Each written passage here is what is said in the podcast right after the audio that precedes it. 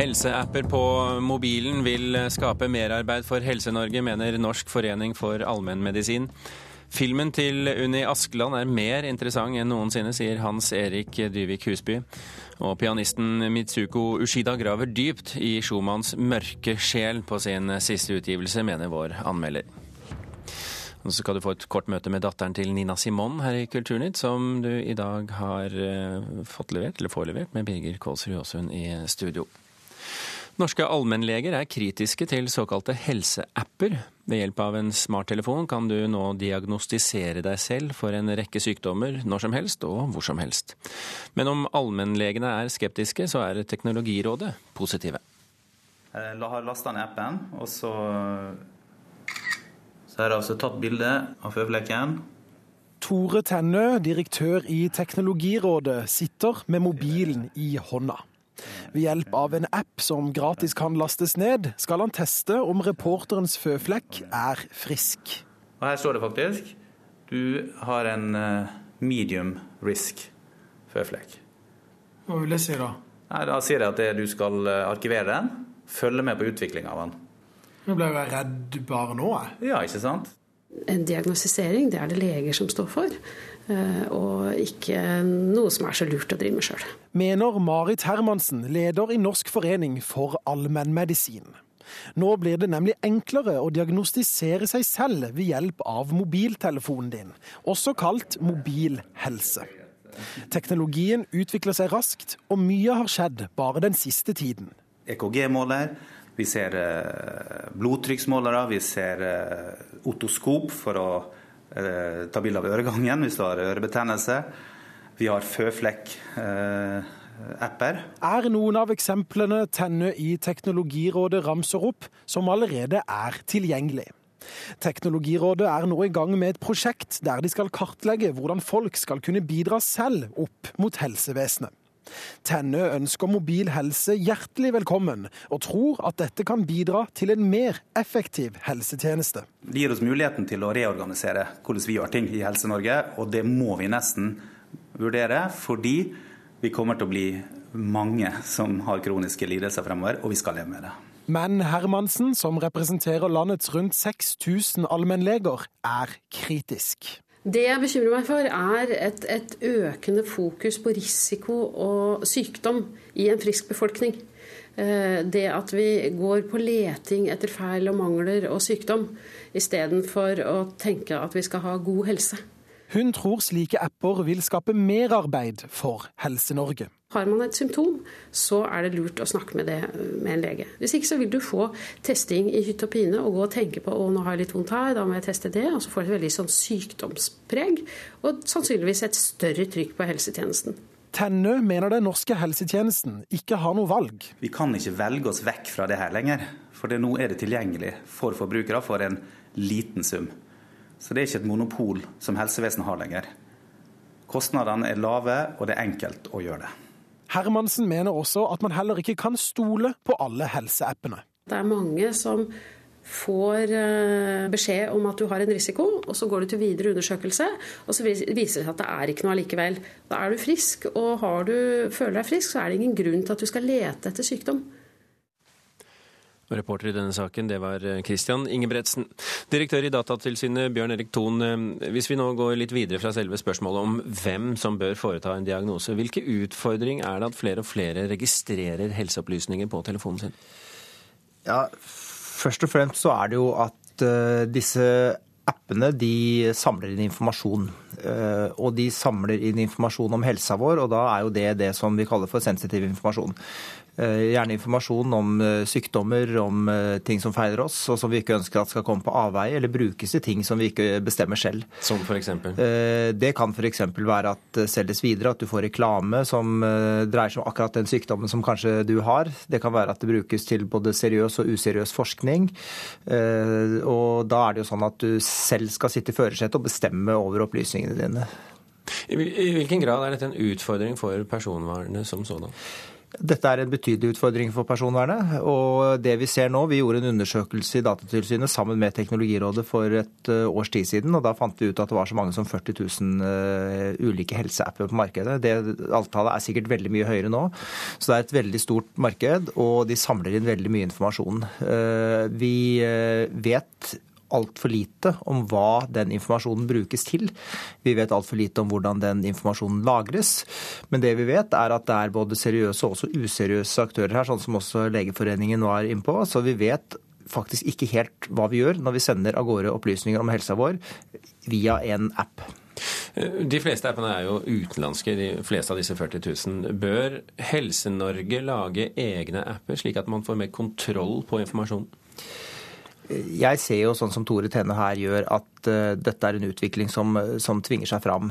Og uh, så sant personvernet ivaretas på en god måte, så har jo ikke vi Datatilsynet noe mot uh, at det utvikles et helseapp-marked.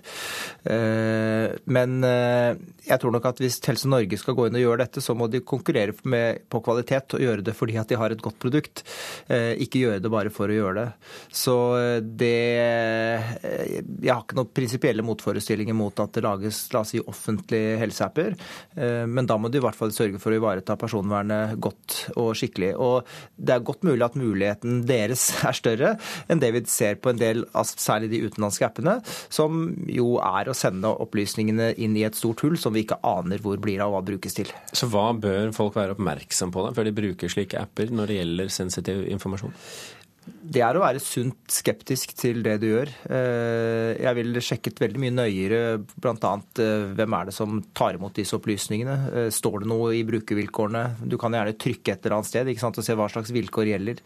men, men du vet jo det som alle andre, at disse vilkårene er jo endeløst lange og helt umulig å forholde seg til? De er endeløst lange, men noen steder så er det faktisk sånn at du også kan gå inn på en hjemmeside. altså noen og Mange av disse appene har en hjemmeside, de har ikke bare en app stedet hvor du kan laste ned. Eh, og Du kommer ikke unna å gjøre undersøkelser sjøl hvis du ønsker å gjøre det. For dette blir ikke nødvendigvis servert for deg som en smørbrødliste at dette og dette og dette gjør du. Så du er nødt til å gjøre undersøkelser sjøl og være sunt skeptisk til, eh, til det du gjør. Eh, jeg syns ofte et sånt godt tegn kan du si, på at det er seriøst, er at eh, de har en, eh, et sted hvor du kan gå inn og finne informasjon, og ikke minst kontaktinformasjon som du kan si, oppsøke hvis det er et eller annet som, som, går feil. Eh, så ta en sånn liten rask screening av hva som ser seriøst ut og ikke seriøst ut. Og jeg ville vært mye mer skeptisk til å bruke helseapper enn jeg f.eks. er til å bruke Candy Crush eller et annet morsomt spill. Bjørn Erik Thon, direktør i Datatilsynet, takk for at du kom til Kulturnytt. you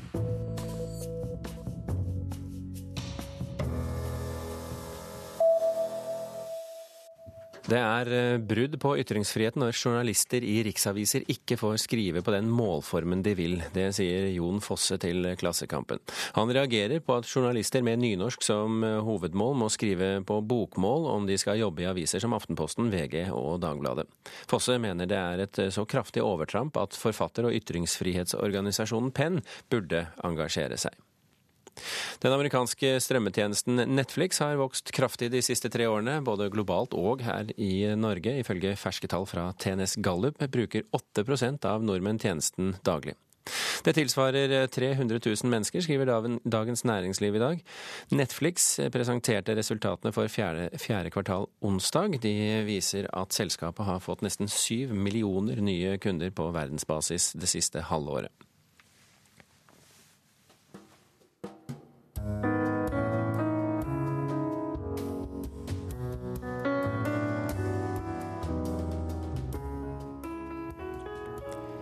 Pianist, komponist og arrangør Jan Gunnar Hoff mottok i går kveld Norsk Jazz høyeste utmerkelse, Buddy-prisen for 2013. I begrunnelsen fra ledelsen i Norsk Jazzforum heter det at Hoff har vært blant eliten av norske jazzmusikere i flere tiår, og har betydd enormt mye for det nordnorske musikkmiljøet spesielt. Med Buddy-prisen følger en statuett av den legendariske trompeteren Buddy Bolden og 50 000 kroner.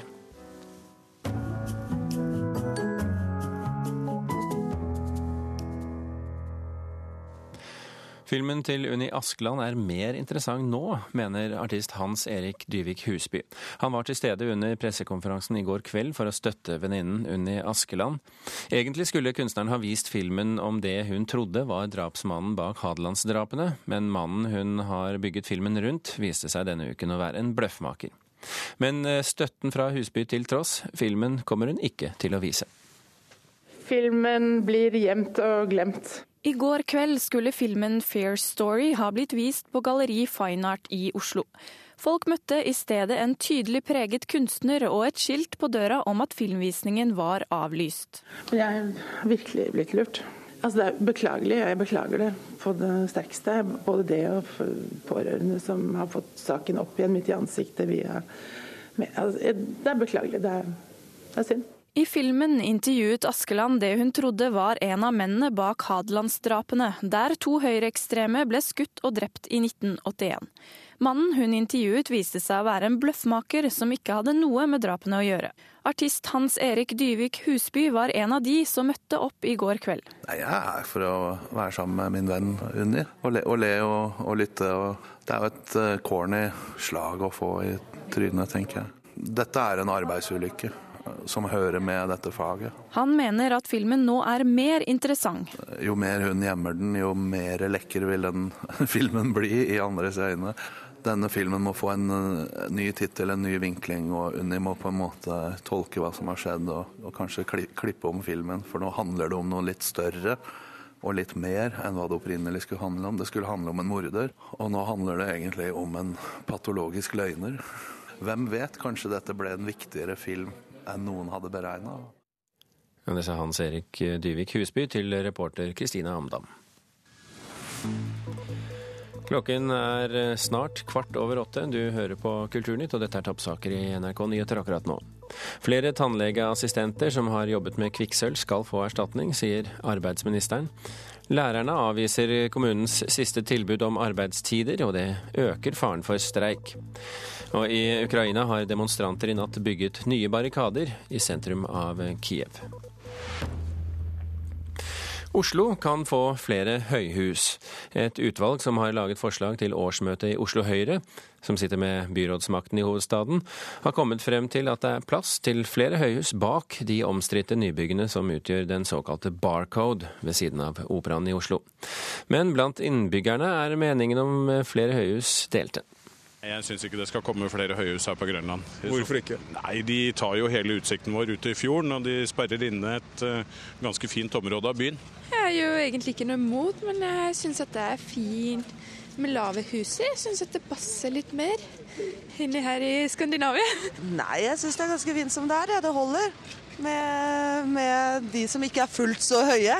Pent eller stygt, 12 500 nye arbeidsplasser i Bjørvika sparer Oslo for 110 000 km bilkjøring hver eneste dag, i forhold til om arbeidsplassene skulle vært spredt utover byen, ifølge Transportøkonomisk institutt. Derfor vil resolusjonskomiteen i Oslo Høyre ha mer av det samme, og foreslår for årsmøtet å bygge flere høyhus bak Barcode. Det sier resolusjonskomiteens leder Øystein Sundelin. Vi ønsker flere høyhus i nærheten av Norge Norges største kollektivknutepunkt, eh, Oslo S. Oslo vokser. Oslo vokser i rekordfart. Vi er nødt til å bygge oss oppover i høyden. Det er det mest miljøvennlige, det er den mest effektive måten å bygge på.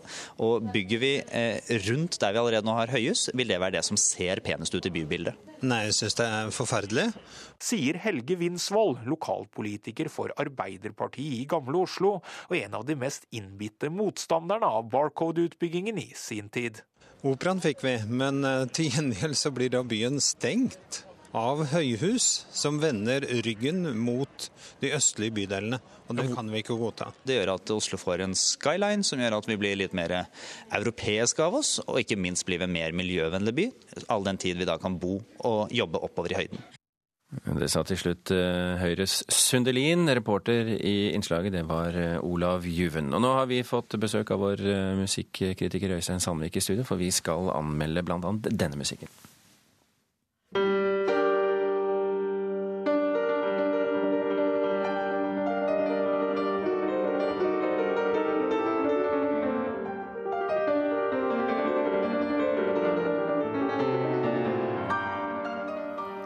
Her hører vi en av vår tids mest særpregede pianister, Mitsuko Ushida. Hun spiller musikk av den store romantikeren Robert Schumann på en ny CD. Og I tillegg til sonaten i G-moll, som vi hører her, så finner vi også Waltscenen og de mer ukjente Gesenge der Frye på denne utgivelsen. Og anmelder Øystein Sandvik, hva er hovedinntrykket? Ja, Dette er nok en gang en djerv og visjonær musiker som går sine egne veier, og som tør å gå veldig langt. Hun går lenger enn noe annet jeg har hørt, kanskje, i forhold til å utforske de mer mørke sider ved Schumanns musikk. da. Og Som kjent så var jo Schumann en komponist som led av depressiv melankoli. altså han, Det er ikke så lett å diagnostisere, kanskje, han, men det har i hvert fall blitt, blitt antydet at det var noe i den retning. Muligens også noe sånn litt sånn bipolart. Han hadde veldig sånne eh, voldsomme utadvendte perioder og voldsomme depressive episoder i løpet av sitt liv. Og her på denne CD-en med Ochida så, så er det som om all musikk, altså alt du spiller her, ses med melankolikerens blikk. Det er mørkt. Det er virkelig dystert. Og det har et dyp som er sjeldent i, i Schumann. Noe av denne musikken er jo enkel å like frem. Men du lokker frem en poesi og en uttrykksrikdom som er helt bemerkelsesverdig. Men så er spørsmålet kan dette bli litt vel mørkt, litt vel endimensjonalt. Og da blir spørsmålet blir dette litt vel mørkt og litt vel endimensjonalt? ja, du foregriper konklusjonen nå. altså Det kan. det falt så naturlig. Ja. Men ja, altså det er, jo, det er jo tre verker på denne platen. da. Vi hørte innledningsvis denne G-moll-sonaten som går tilbake til tidlig i Schumanns karriere. Og så er det disse gesenger der frie fra 1853, og da begynner vi å nærme oss et kritisk punkt her. Altså Det er skrevet rett før han døde, og bare noen få måneder før han uh, forsøkte å begå selvmord ved å kaste seg i Rien. Det er en merkelig musikk preget av uh, muligens hans svekkede mentale emner. Da. Men det åpner jo da med disse Waltscenene fra 1848, som er en musikk som kan karakteriseres som forholdsvis enkel og naiv.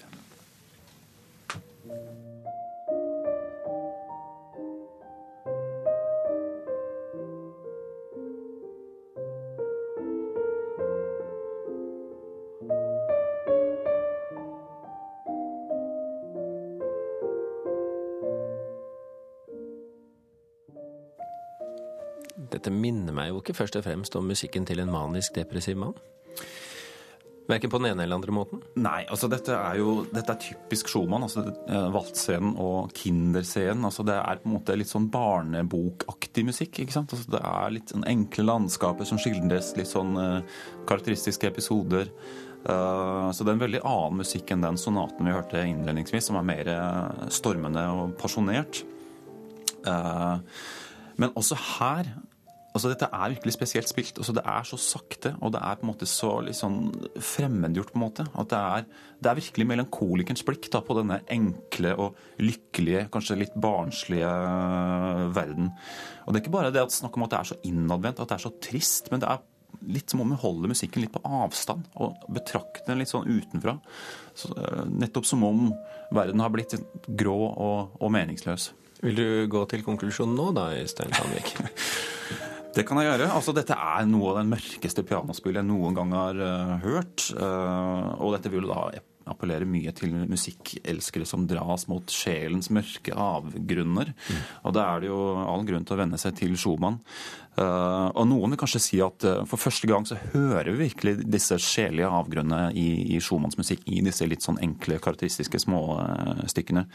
Men så er det jo da så, Schumann har jo disse fiktive karakterene Florestan og Eusebius og sistnevnte er jo da den innadvendte, mens Florestan er mer enn den stormende utadvendte. Og jeg savner kanskje litt mer av den dualiteten. altså Det kunne ha vært litt mer, litt mer utadvendt, litt mer pasjonert. Altså Schumann bruker enhver anledning til å dra det ned, til å dra det innover og til å dyrke disse mørke stemningene. Det kan bli litt for mye. Ja, For oss som liker det, så er det sikkert eh, fint. Vi skal få et lite kutt til slutt her. Takk skal du ha, Øystein Sandvik.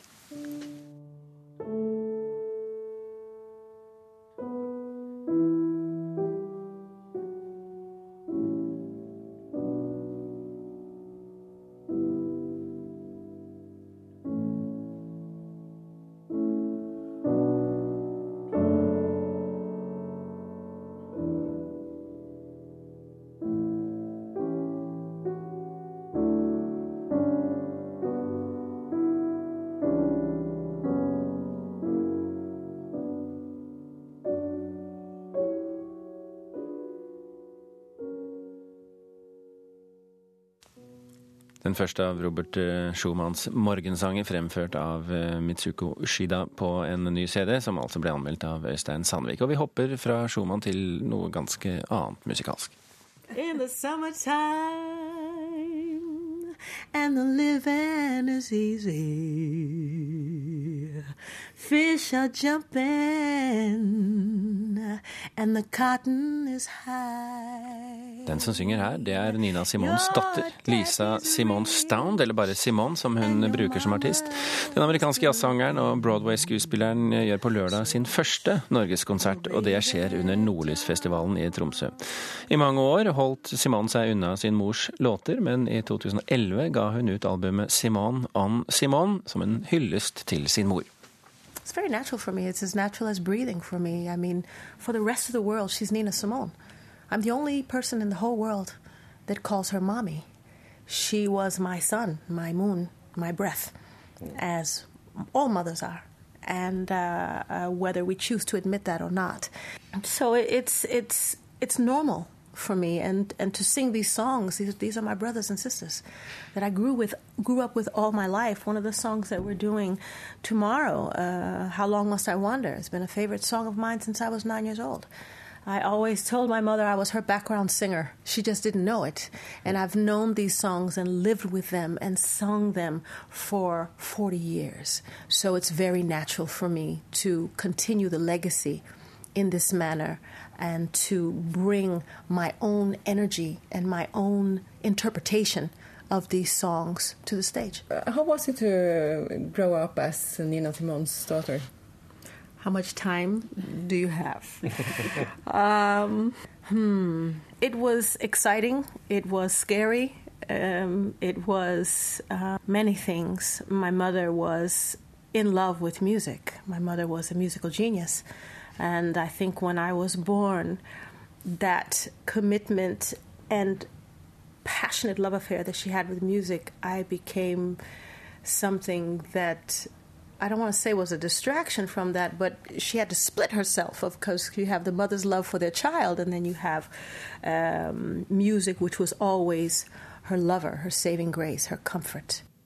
Ja, Det sa altså Simon til reporter Hege Iren Haugen. Og med oss i studio i Tromsø har vi Ulf Jensen, festivalsjef for Nordlysfestivalen som starter i dag. Velkommen, Jensen. Takk skal du ha. Er du fornøyd med å ha fått Simon til Tromsø? Ja, veldig. Og det var jo en liten tilfeldighet at jeg så navnet og klikka inn på en YouTube-versjon. Og falt bare fullstendig for en veldig vakker stemme. Hvordan passer hun inn i Nordlysfestivalens program?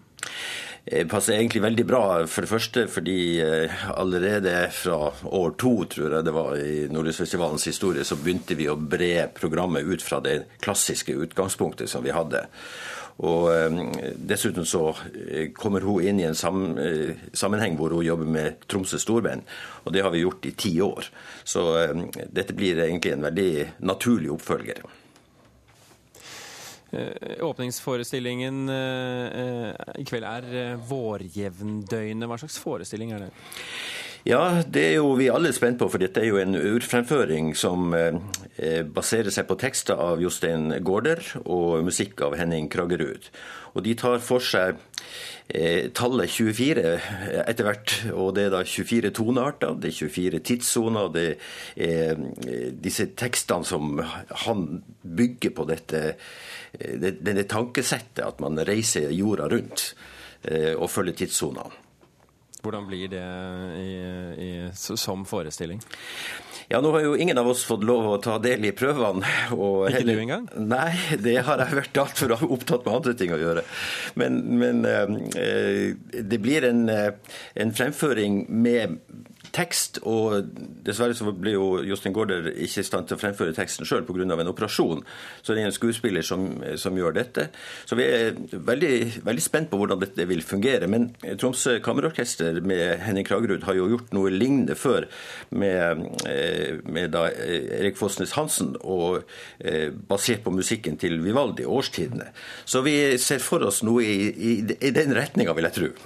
Det har jo vært kjent noen måneder nå, Jensen. Men dere skal jo altså ha besøk av Bolsjoj-balletten, som ikke har vært i Norge, så vidt jeg har forstått, siden 60-tallet. Hvordan klarte dere å få dem over? Ja, det er, jo, det er, jo, egentlig bare å spørre. Det er jo sånn det starter. Vi eh, gjorde en henvendelse fordi at vi har jo tidligere også for første gang i, egentlig i Norges historie henta Marinskij, både balletten og en opera fra dem.